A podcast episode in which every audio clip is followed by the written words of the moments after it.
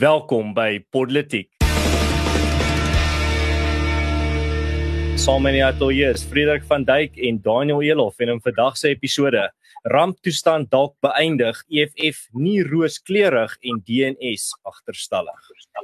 Nou ja, vir ons hierdie week se nuus ontnonsens gaan ons eers vinnig 'n advertensie van ons oulike borge Nou Greater Supply speel.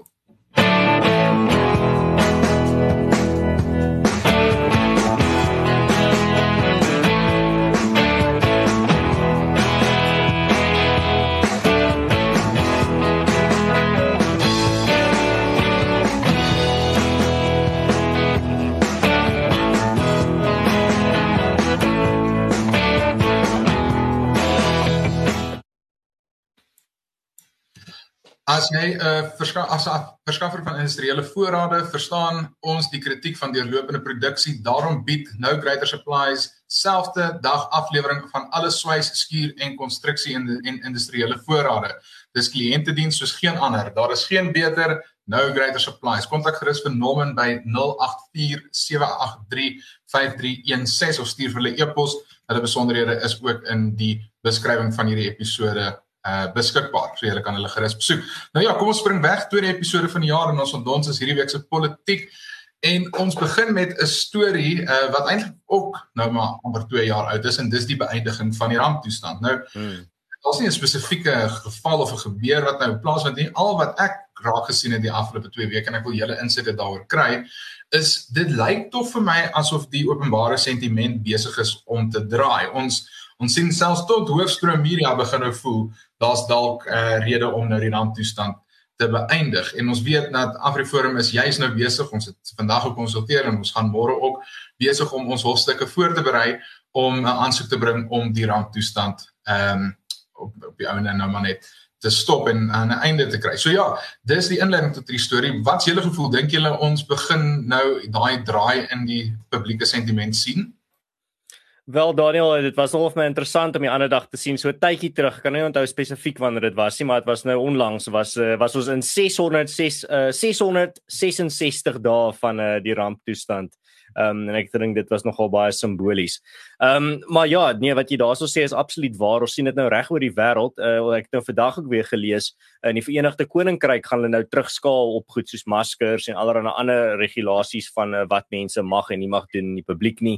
Ehm um, en dit lyk regtig asof ons nou aan die einde kom van hierdie pandemie en oh, stadig maar seker. Ek's nou nie 'n 'n kenner hierso nie, so ek kan nou nie vir jou 'n datum gee of presies met sekerheid sê dis waar ons is nie. Maar as ek kyk na reg oor die wêreld, die soort sentiment sentiment wat ek sien is dit nou besig uh, om tot 'n einde te kom.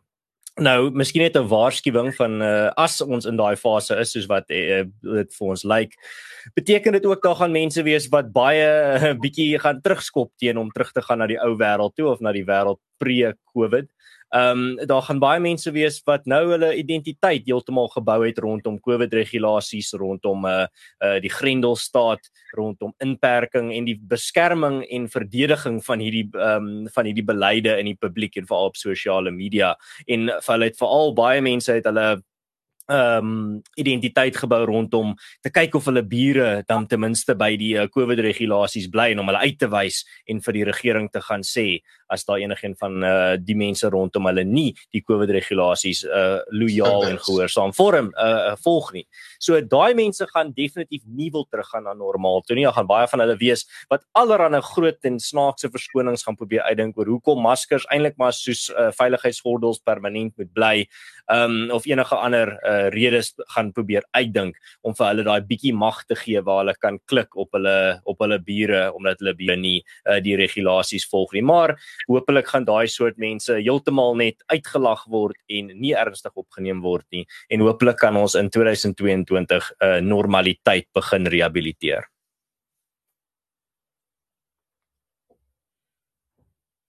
Frederik, wil jy 'n bietjie inspring?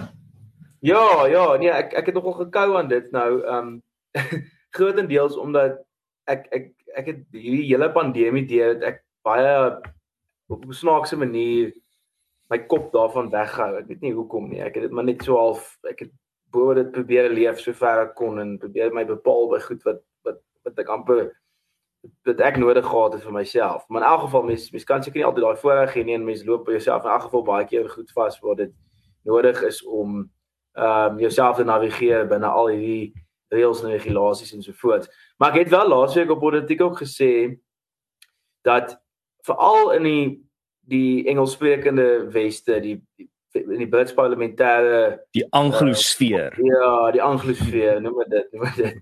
Ehm um, as daar eers reëls gemaak word binne 'n parlementêre opset soos daai, is dit baie raar, baie skaars dat daai reëls weggevat word, dat dit dit afgewater word of teruggeskaal word. Ons spandeer baie tyd en met ons bedoel ek nou ook lande wat geaffekteer is deur die die Brits parlementêre stelsel van reëls maak Ehm um, ons speel, spandeer baie tyd om nuwe reëls te skep. Ons spandeer baie min tyd om werklik te gaan kyk watter wetgewing en reëls kan eintlik nou maar weet teruggevat word. Partykeer is daar goed op die wetboeke wat so kompleks raak omdat daar soveel opvolgstukke wetgewing en so voorts is dat mense later nie meer weet weet wat gaan aan en waar pas wat in nie. En ek dink ek is bevrees dat dieselfde ding, dieselfde mentaliteit dalk met die corona regulasies kan gebeur. Dat ons regtig so maklik kultureel gewoond raak aan nuwe reëls dat ons weier om die, dat dit vir ons moeilik is om dit goed terug te skaal amper op het, as dit asof dit 'n tipe Stockholm syndroom is. Hmm. En ehm um, jy weet ek dink van 'n wetenskaplike perspektief af nie dat ek nou self wetenskaplike is nie, maar ek dink wanneer daar feitelike gegevens op die tafel kom rondom die wydverspreidheid van die van, van die pandemie of die aansteeklikheid van 'n nuwe variant ensovoorts dan is 'n baie 'n groot deel van daai data is nog steeds iets waarvan 'n beleid gevorm moet word. So die data self is nie die beleid nie. Die beleid moet nog getimmer word uit daai data uit wat ons het. So dit is waar politiek inkom. En dit is hoekom dit vir my altyd bietjie snaaks is as ouens sê, jy weet luister net 100% na die experts, maar die experts skep nie vir jou 'n beleid nie. Hy wil ook nie 'n beleid skep nie. Hy gee vir jou feitelike gegevens.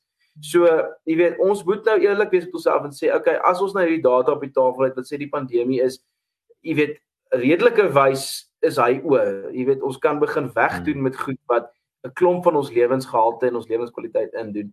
Ehm um, dan moet ons daai data op daai manier toepas. Jy weet ons kan nie altyd sê die data neig ons in 'n bepaalde rigting nie. Die data is nie noodwendig van selfsprekend nie. Ons moet dit nog steeds interpreteer en beleid skep. Ja, so ek ek is net ek dink van ek dink die die die wêreldwye ideologie rondom die ding is neig om nou maar net nuwe reëls te skep en daarbey te bly, pleks daarvan om dit bietjie af te skaal soos nodig. Hmm. Ek ek stem 100% saam vir dit. Laat my dink aan daar's twee aanhalinge wat ek nou al herhaaldelik die laaste 2 jaar gebruik het. Die een is ehm um, ding is Milton Friedman wat gesê daar's niks so permanent soos 'n tydelike regerings uh program nie. En Hayek het gesê dat uh noodgevalle of uh, rampe is nog altyd die ehm um, uh, die, word nog altyd gebruik om uh vryhede en en en ehm um, ja, vryheid te beperk en en weg te skaaf daaraan. So uh, ons sit nou met met daai probleem.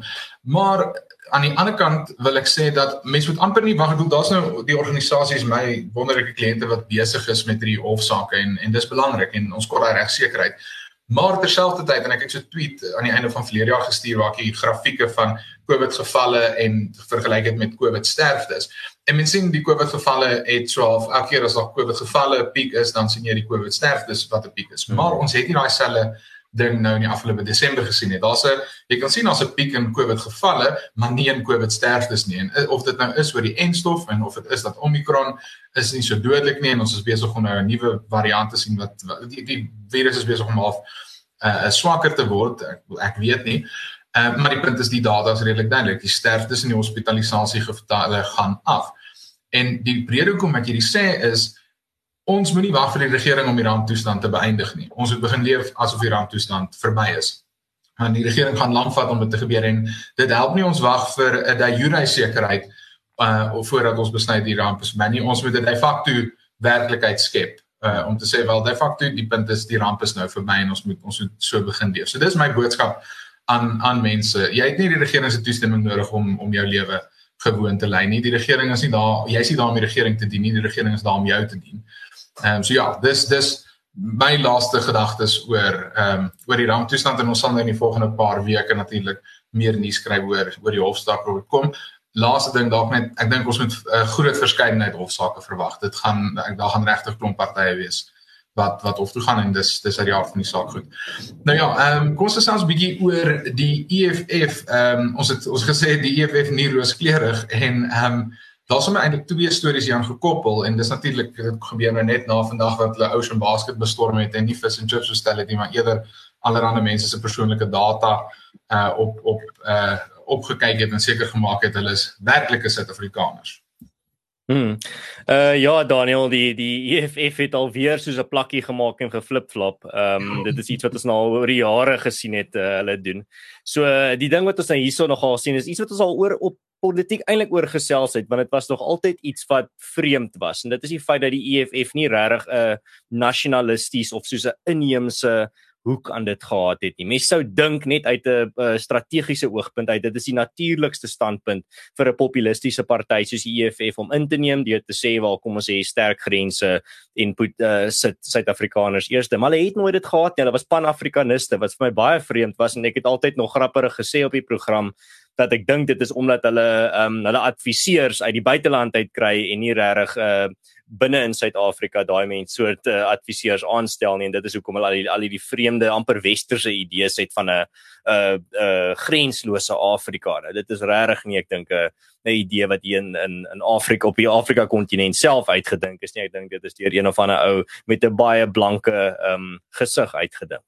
10 teen 1.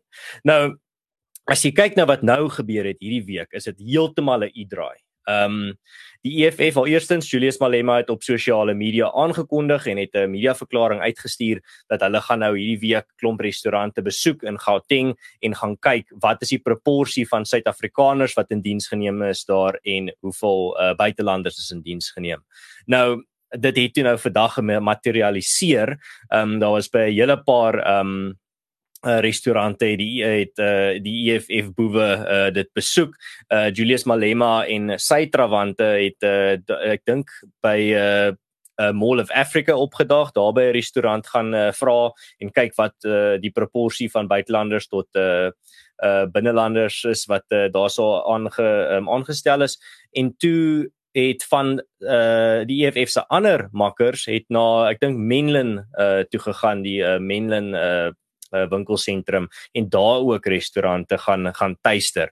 Nou eerstens hierdie soos ek gesê het is vir my baie uh dit is nie vir my vreemd nie want ek want ek sê nog altyd dit is die natuurlikste ek dink die natuurlikste handskoen amper vir die EFF om aan te trek is hierdie nasionalistiese amper nasionaal sosialisties as jy dit nou regtig dit wil noem. Uh, ek dink dit is eintlik was nog altyd uh, die pad wat hulle strategies sou vat. As jy sien dat hulle eintlik nou maar bietjie van 'n plafon getref het 'n ondersteunersbasis gewys um, hulle kan nie regtig verby daai 10% area kom nie. En hulle regtig dit hulle pomp miljoene rande in in hierdie ehm um, veldtogte van hulle in.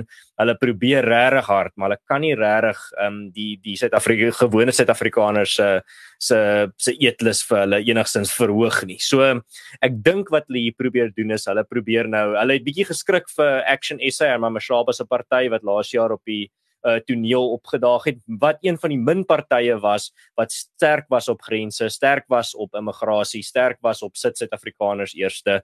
Um iets wat eintlik baie eintlik geen ander Suid-Afrikaanse partye regtig as standpunte inneem nie. Veral nie die groter partye nie en die EFF was nog altyd op hierdie op hierdie waantjie van ons soeke 'n grenslose Afrika, hulle is pan-afrikaniste. Ehm um, Julius Malema het nog gesê ek dink in 2019 dat daar is nie iets soos 'n Afrikaan wat 'n buitelander is in Afrika nie.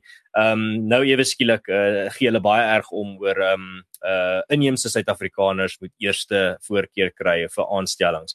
So wat ek dink wat hier gebeur het is die EFF probeer nou maar 'n ander pad vat om hulle ondersteuningsbasis te groei. Die Pan-Afrikanisme werk nie, die grenslose Afrika idee Suid-Afrikaners het nie 'n aptyd vir dit nie. So nou fokus hulle bietjie meer op die ehm um, uh, die nasionalistiese uh, oogpunt daarso en ek dink regtig die verskyning van Action SA op die politieke toneel kan nie afgeskryf word uh, in hierdie scenario nie. Ek dink dit het 'n uh, ongelooflike impak gehad op die EFF wat nou hierdie standpunt, hierdie vars nuwe standpunt inneem en wat definitief ek dink nie oor oordrywing is om dit as 'n idra 'n regte politieke idra te beskryf nie. Ek, ek dis ook weer eens dis my altyd so interessant om te sien watter stories herhaal want want ons het al voorheen hierdie hierdie idra bespreek want dit is presies wat jy sê ons is twee idras.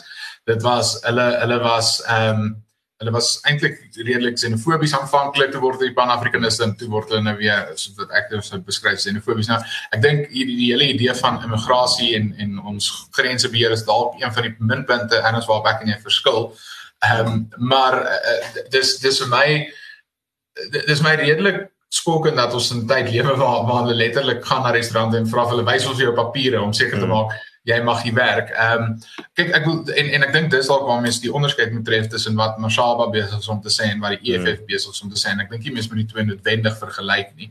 Ehm um, maar maar ja, dit dit daar gelaat. Wat wat vir my interessant is en waar ek wonder is hoekom en en hoekom van ja, dit het so vir my amper op 'n manier sin gemaak het vir hulle om dit verlede jaar te probeer ja. veral voor die munisipale verkiesing. Dis dis glad nie 'n groot politieke jaar vir Suid-Afrika nee. op die op die uit die oogpunt van 'n politieke party nie. Presies, presies. So dit is my nogals vreemd dat hulle dit nou besluit. So dit, dit moet obvious dat kyk want hulle het maar ook redelik nie so baie soos byvoorbeeld die DA wat absoluut data gedrewe is nie, die die DA aan data.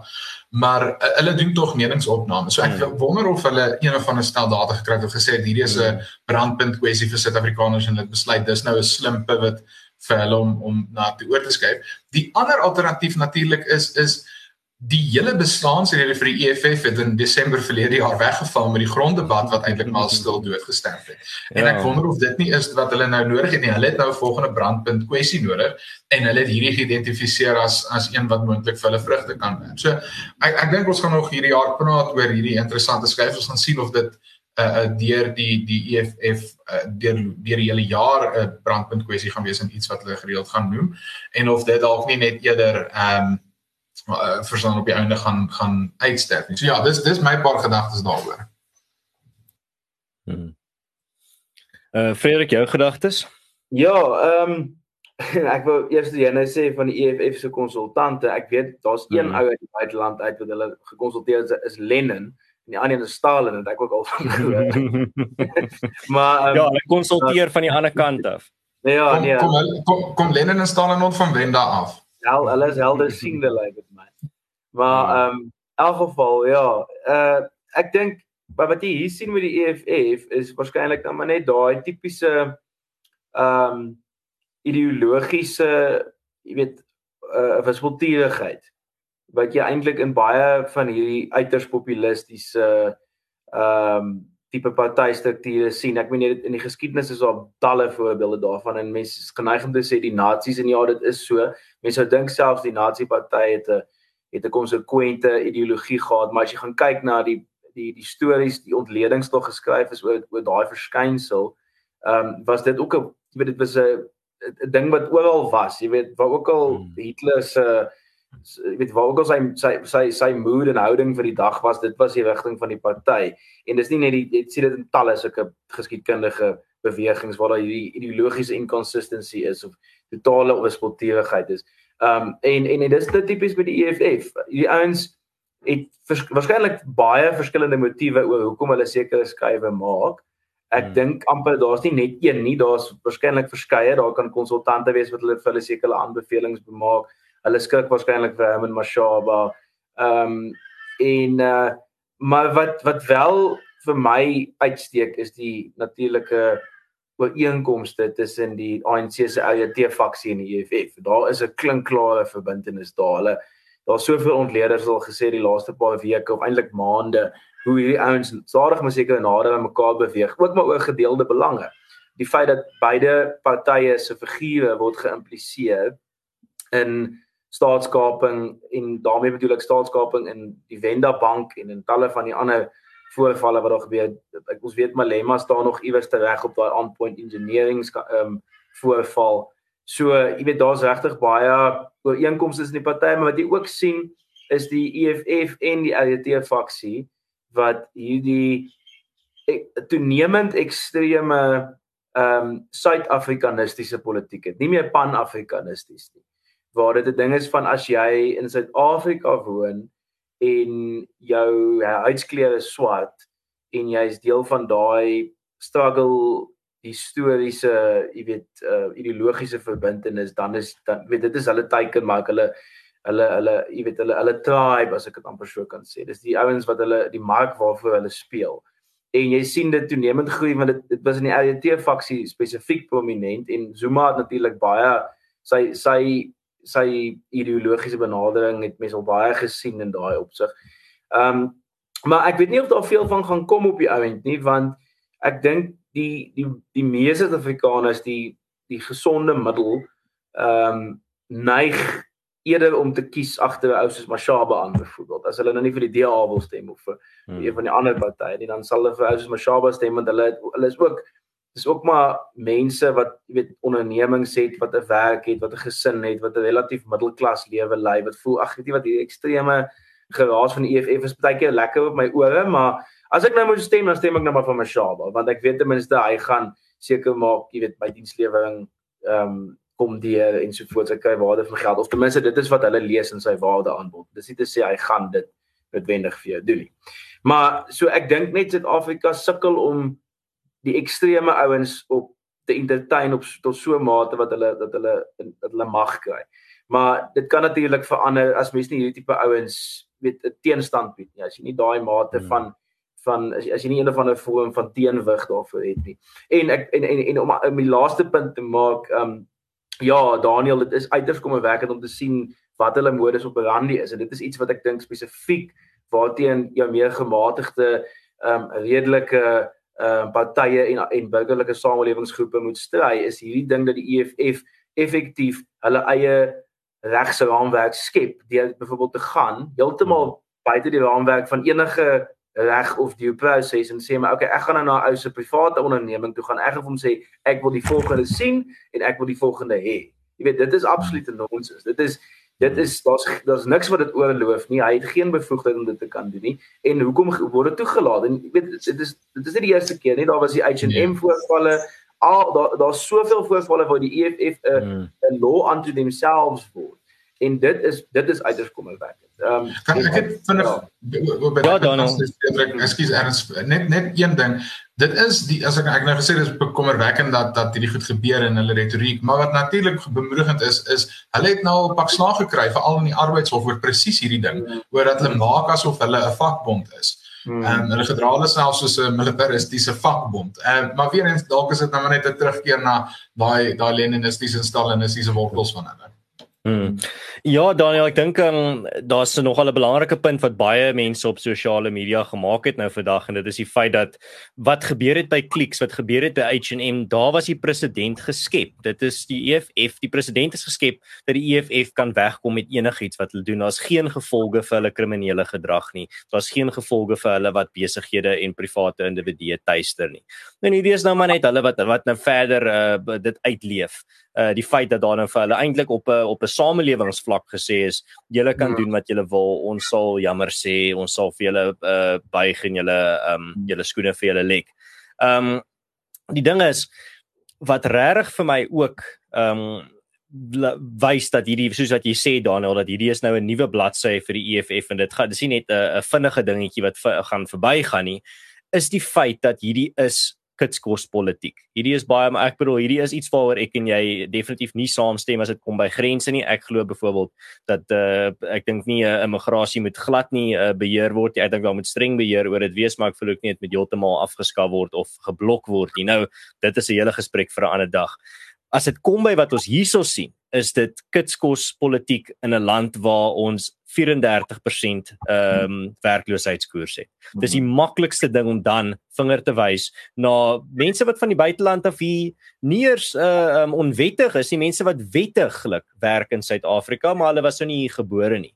Baie maklik om dan vinger na hulle toe te wys as 'n politikus uh, en te sê maar hierdie is die ou ehm um, wie se skuld dit is. En ek kan sien die EFF het ook 'n ander dit is bietjie slim ek dink dit gaan so lekker werk nie. As hulle het so hulle probeer dit nou spin as hulle gaan nou hulle teiken die restaurant eienaars wat nou wat dit impliseer is nou alles wit eienaars. Um, en hulle gaan teen teen net wit eie uh, uh, uh, restaurante in wit besit teiken met hierdie soort veldtogte.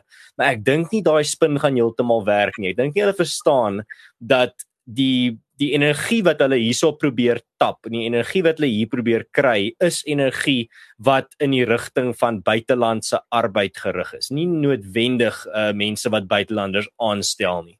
Ehm um, van wat ek kan sien is baie van hierdie woede wat ons nou gesien het uh, in xenofobie verander in jare soos 2008 dit raak nie regtig na die uh, die die die werkgewers toe gestuur nie. Hierdie energie word in die rigting van die werknemers gestuur.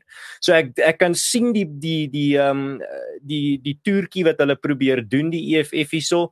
Ehm um, uh die die kolkens wat hulle probeer doen maar ek dink nie dit gaan werk nie. Ek dink dit maar dit is ook die enigste ding wat hulle kan doen om 'n uh, 'n stukkie van hulle ehm um, uh vorige standpunt probeer probeer inkorporeer dat hulle is eintlik nie teen ander Afrikane of uh, mense van ander Afrika lande nie. Hulle teiken eintlik die werknemers. Maar ja, soos ek sê, ek dink nie hierdie ehm um, ek dink nie hierdie uh uh kolkenstoertjie gaan so lekker uitdra in die lang termyn nie maar ehm um, dat die EFF nou hulle DNS verander het is definitief ehm um, kan ons definitief sien in die openbaar.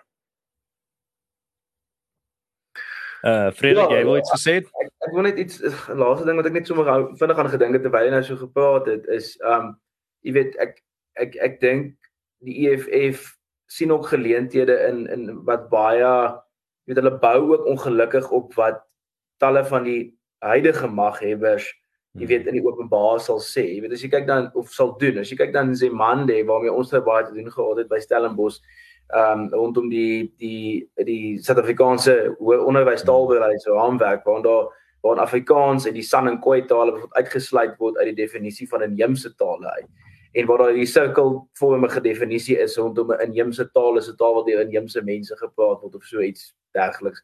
Ehm um, jy weet daar is daar word ongelukkig deur die maghebbers hierdie omgewing geskep waar hierdie hierdie ding van inheemsheid en ons was eerste hier en ons het dus die meeste regte daai tipe denkwyse word gevoer.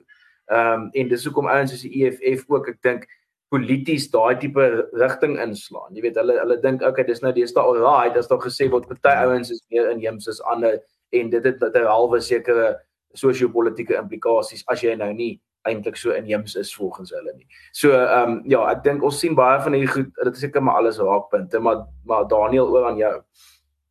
Ja, ek dit, dit raak eintlik oulik aan aan vinnige laaste punt wat ek oor die storie wil maak voordat ons uh, oor die derde storie praat is ehm um, en as ek bedoel, ek dink ek en jy is nader aan aan aan hoe ons grense wil hanteer hmm. as ek dink baie ander mense. Ek so ek ek sê net maar tong in die kies oor die verskil in die in ja. grense. Ek, ek dink ons albei stem saam dan moet beheer te wees. Ek dink ons albei stem saam mense moet wettig wees.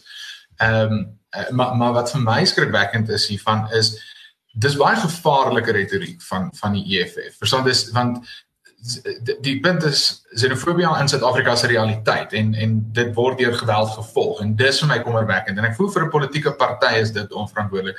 Dis een ding vir ons om op 'n politiek 'n 'n debat, 'n beginsel debat oor oor hierdie hmm. ding te hê, maar dis 'n ander ding om om regtig eintlik uh, geweld op die ouene hand te hê. Want dis waar op hierdie vir my grens.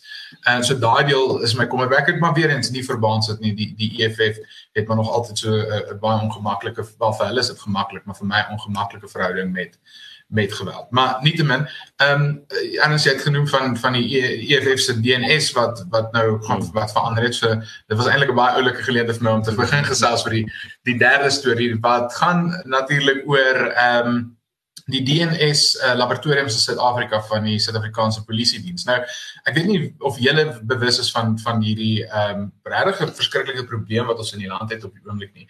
Kyk, met enige uh, strafregsaak as daar DNS monsters geneem word, veral met geslagsgeweld natuurlik, moet dit na 'n laboratorium gestuur word waar dit moet getoets word en bevestig word en en geïdentifiseer word. En ons sit nou al die afgelope 3, 4 jaar met uh die die eerbare Bekkie Cele met die probleem dat byna 300 000 monsters, DNS monsters is nog nie verwerk nie. Met ander woorde, daar's 300 000 min of meer 300 000 gevalle sake wat nie vir ver voort kan gaan nie. Misdadigers wat uh of hulle hulle word nog steeds aangekla en die saak gaan nie voort nie of hulle is misdadigers en hulle is nog steeds op ons strate besig. Ja, hierdie is moordsake, verkrachtingssake. Absoluut, presies. So dis dis 'n enorme probleem en wat nou die afgelope maand gebeur het wat bemoedigend is natuurlik is dat uh, na druk deur verskeie organisasies het daar's da 'n stuk wetgewing wat in werking gestel is deur president Zuma maar toe op eis gesit is om sodat die laboratoriums tyd gekry het om voor te berei om om al hierdie nuwe DNS monsters neem wat wat die wet gesê het is enige mens wat skuldig bevind is aan 'n skedule 8 misdryf, met ander woorde regtig ernstige misdryf, seksuele misdryf, moord en so. Ehm um, moet 'n DNS monster uh, van geneem word sodat jy dit natuurlik kan vergelyk want die punt is baie misdadigers is herhaal misdadigers. En ehm um, dit is toe nou uiteindelik in Desember in werking gestel. So nou gaan alle skedule 8 uh mense wat gearresteer word, ehm um, gaan vir gearresteerdes hulle DNS monsters van hulle geneem word. Maar ons sit nog steeds met hierdie probleem van 300 000 agterstallige gevalle. En in verlede jaar November het Becky Cele voor die parlement gegaan gesê wel hulle gaan privaat kontrakteurs uh, uh, aanstel om te help met hierdie hierdie verskriklike groot hoeveelheid DNS toetse wat nog gedoen moet word. Ehm um, hulle het hulle het beloof of nee, ekskuus, dit was in verlede jaar het hulle het hy dit voor parlement gesê en hulle het beloof dit gaan teen Oktober gebeur en daai aanstellings is nog steeds nie gemaak nie. Ehm um, en nou sit ons nog steeds met die probleem. Die laboratorium wat in Port Elizabeth gebou moet word, is nog steeds nie gebou nie. So die probleem raak net al groter. En mense begin regtig wonder, is daar enigstens op die einde iets om te red in ons strafregstelsel as uh, die die vrot ehm um, regtig so so wyd is uh, binne die hele stelsel en die stelsel. Hmm. Ja, absoluut. Nou ehm um, Daniel, as dit kom by uh, by hierdie storie, ek het nou nie ek dink jy het meeste van dit gedek wat ek in elk geval sou wou bylas, maar net miskien 'n finale gedagte hierso wat vir my uitstaan is die feit dat uh, die die regering se kapasiteit om enigsins misdaad te kan takel in Suid-Afrika word net al hoe minder. Dit verval net by die dag. Tot ons by die punt kom waar die regering glad nie eens meer kan sal kan sê dat die polisie uh, enigsins hulle grondwetlike uh, verantwoordelikheid kan vervul om um, die mense van die land veilig te hou en misdaad te kan beveg nie. En by daai punt uh, is ons baie naby. So dit is hoekom gemeenskappe dit begin in hulle eie hande neem, hulle sekuriteit deur plaaspatrollies, deur ehm um, buurtwagte, deur allerlei ehm um, sekuriteitsnetwerke wat opgestel word waar gemeenskappe dit in hulle eie hande neem. Dis ekstra moeite, dis ekstra tyd. Ek weet mense betaal nog steeds belasting vir 'n polisie uh, om grootliks vir 'n polisie te betaal wat nie eens gaan betyds by jou uitkom nie. Maar dit gaan ook oor die feit dat ehm um, jy is op 'n 'n sinkende skip en gaan jy nou maar daar sit en sê maar die skip was veronderstel om verder te seil. Ek hoef nie nou nog 'n 'n lewensbootjie te bou uit van die meubels nie of gaan jy sit daar in die, in die lewensbootjie maar bou. Ehm um, dit is die vraag. En op die ou end uh, ek dink wat uh, vir baie mense uitstaan hierso en vir my veral is dat soveel gemeenskappe het na na vore gekom en begin om hierdie verantwoordelikhede self aan te pak en self hulle sekuriteit in hulle eie hande in te neem en ons sien die vrugte wat dit uh, wat gepluk word daardeur. Ja, nee, dit is dit is vir my uiters kommerwekkend omdat 'n staat wat sy monopolie op daardie tipe geweld kyk geweld in in daai opsig nou in die in die in die vermoë om te kan ehm um, optree teen misdadigers, om te kan om te kan straf en so voort. Ehm um, as 'n staat dit begin verloor, dan dan dui dit uit dit dit dui op die die totale verval van die staat, maar dit dui ook daarop dat 'n klomp ander funksies ook binnekort in gedrang gaan wees.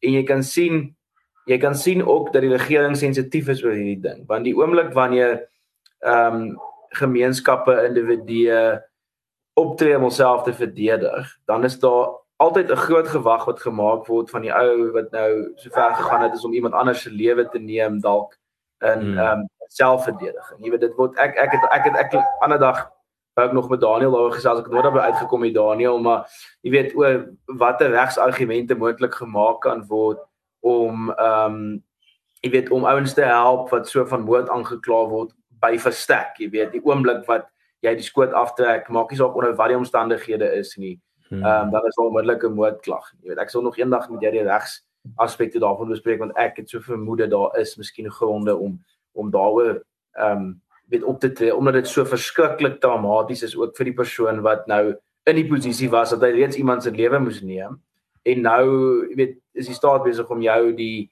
die die die die sonnebok te maak en jy word heel eerste opgang terwyl die res van die misdadigers dalk nog weggekom het. So ja, dit is nou al die die, die side note.